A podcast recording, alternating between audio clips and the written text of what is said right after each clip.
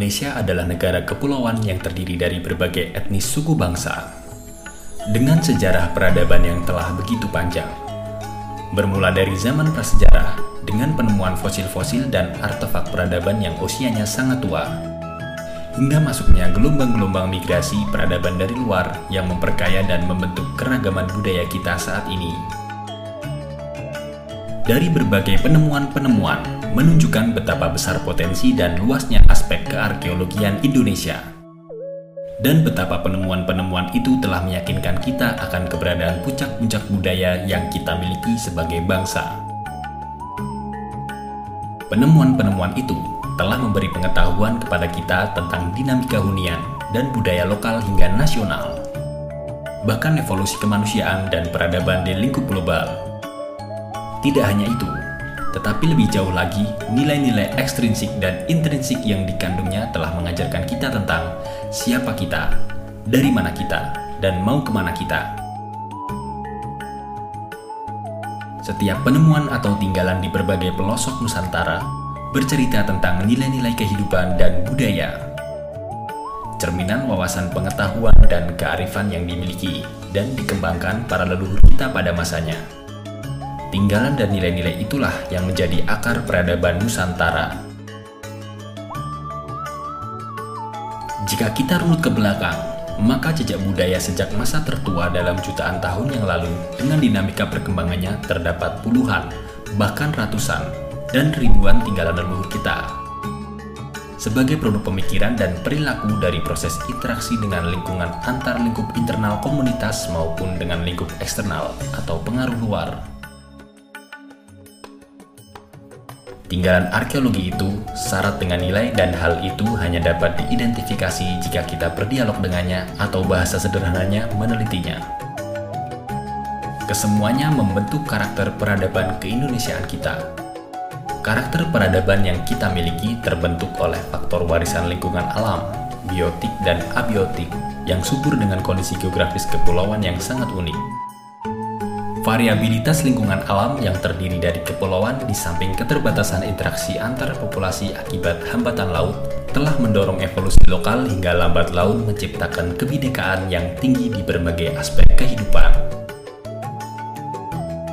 Satu hal yang ingin dikatakan bahwa semua nilai itu telah dikristalkan oleh para pendahulu kita di masa kemerdekaan hingga mengerucut pada lima dasar kenegaraan yang kita kenal sebagai Pancasila.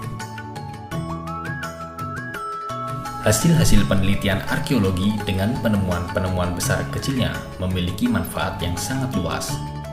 Manfaat globalnya adalah untuk kemajuan ilmu pengetahuan dan pada gilirannya bermuara pada pencerdasan bangsa. Melalui program Rumah Peradaban yang diluncurkan sejak 2015, sejatinya merupakan media informasi, ilmu pengetahuan untuk masyarakat pada umumnya dan dunia pendidikan atau generasi muda pada khususnya. Diharapkan para generasi memperoleh pengetahuan dan pemahaman dari nilai-nilai yang dikandungnya, atau intangible culture, yang tentu saja memberi penguatan jati diri dan selanjutnya bermanfaat bagi kemajuan ekonomi masyarakatnya. Pusat Penelitian Arkeologi Nasional sebagai sentra himpunan data dan informasi adalah sebuah potensi yang memuat nilai-nilai penting bagi masyarakat dan menghadapi masalah aktual dan globalisasi, seperti kesinambungan budaya dan peradaban. Arkeologi berperan dalam politik forgetting and remembering, atau membangun memori kebangsaan. Di sini rumah peradaban bukan sekedar memeragakan beda-beda, tetapi yang tak kalah penting mengangkat nilai-nilai di balik itu, seperti perilaku dalam mencapai kemajuan di masa lalu. Rumah peradaban bicara masa lampau untuk kekinian dan masa datang. Oleh sebab itu, rumah ini dapat menjadi sumber inspirasi dan kreativitas melalui pemaparan kehidupan masa lalu. Di sinilah peran pentingnya arkeologi dalam menjebatani masa lampau yang sudah mati dan masa kini yang sedang hidup. Aksi penjebatanan ini dalam arkeologi modern disebut mediation arkeologi Konkretnya, apa yang dimaksud dengan rumah peradaban itu? Konsep rumah peradaban berangkat dari hasil penelitian yang kemudian dielaborasi dan dikemas dengan data kompilasi. Tanpa penelitian, rumah ini tidak pernah ada atau mati. Karena hasil penelitianlah yang senantiasa menghidupi dan memutakhirkan pesan-pesan yang disampaikan. Salah satu titik berangkat rumah peradaban adalah penemuan dan kemajuan penelitian pada situs-situs besar dengan mengangkat dan memasyarakatkan potensi arkeologinya. Model ini secara nyata akan memperlihatkan alur pengelolaan warisan budaya yang konseptual dari penelitian yang bermuara pada pemanfaatan. Dalam konteks ini, kita bicara tentang idealisme dari sebuah rumah peradaban yaitu sebuah kompleks pemasyarakatan dan pemanfaatan arkeologi yang di dalamnya terdapat museum lapangan, sarana pemasyarakatan dan pendidikan dengan memamerkan hasil-hasil penelitian tentang kehidupan masa lampau hingga masa sekarang, beserta nilai-nilai budayanya.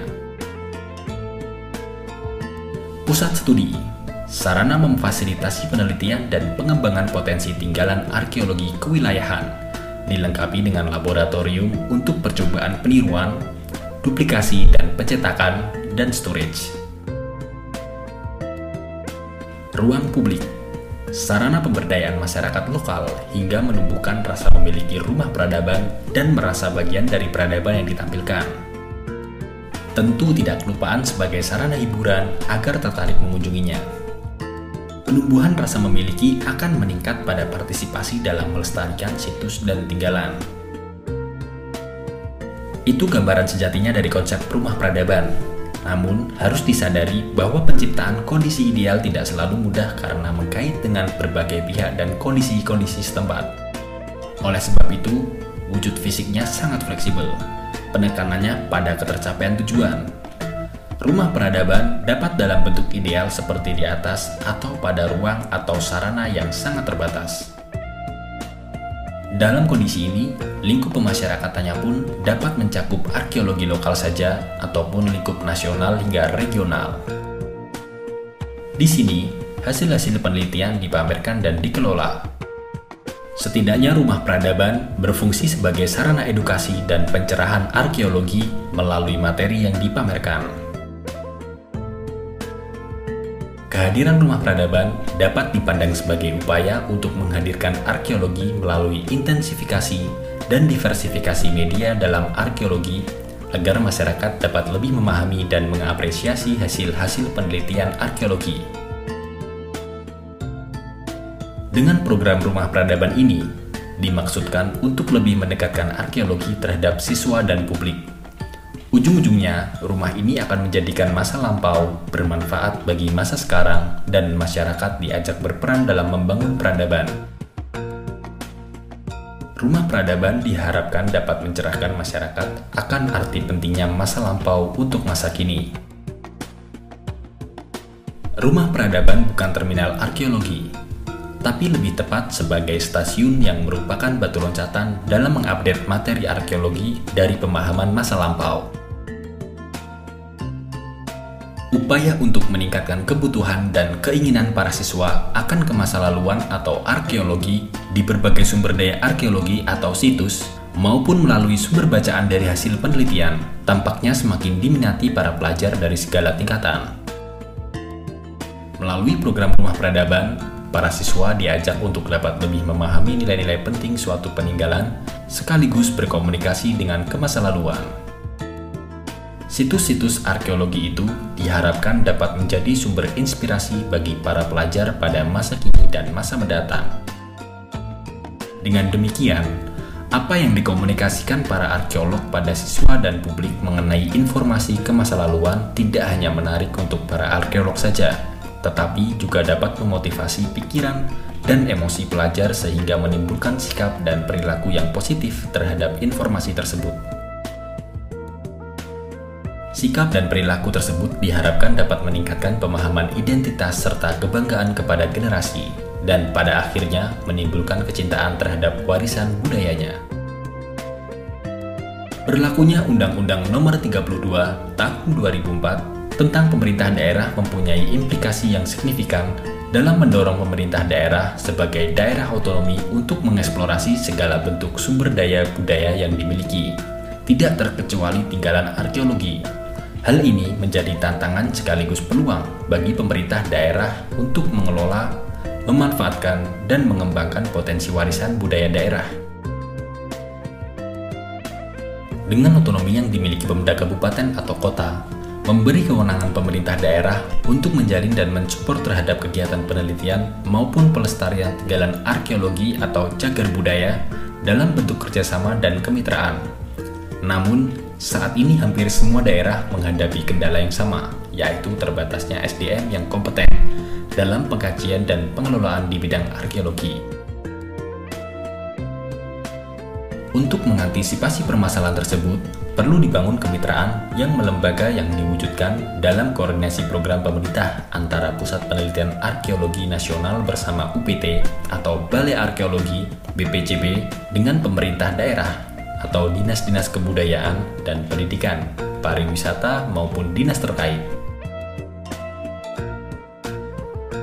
Jalinan kerjasama dan peran serta pemerintah daerah maka tidak mustahil kita dapat melangkah bersama mewujudkan cita-cita tersebut. Melalui suatu program aksi yang dapat menggali dan mengembangkan potensi arkeologi, sehingga seluruh kekayaan warisan budaya yang dimiliki menjadi modal kultural dalam memperkuat identitas yang mencerdaskan generasi bangsa.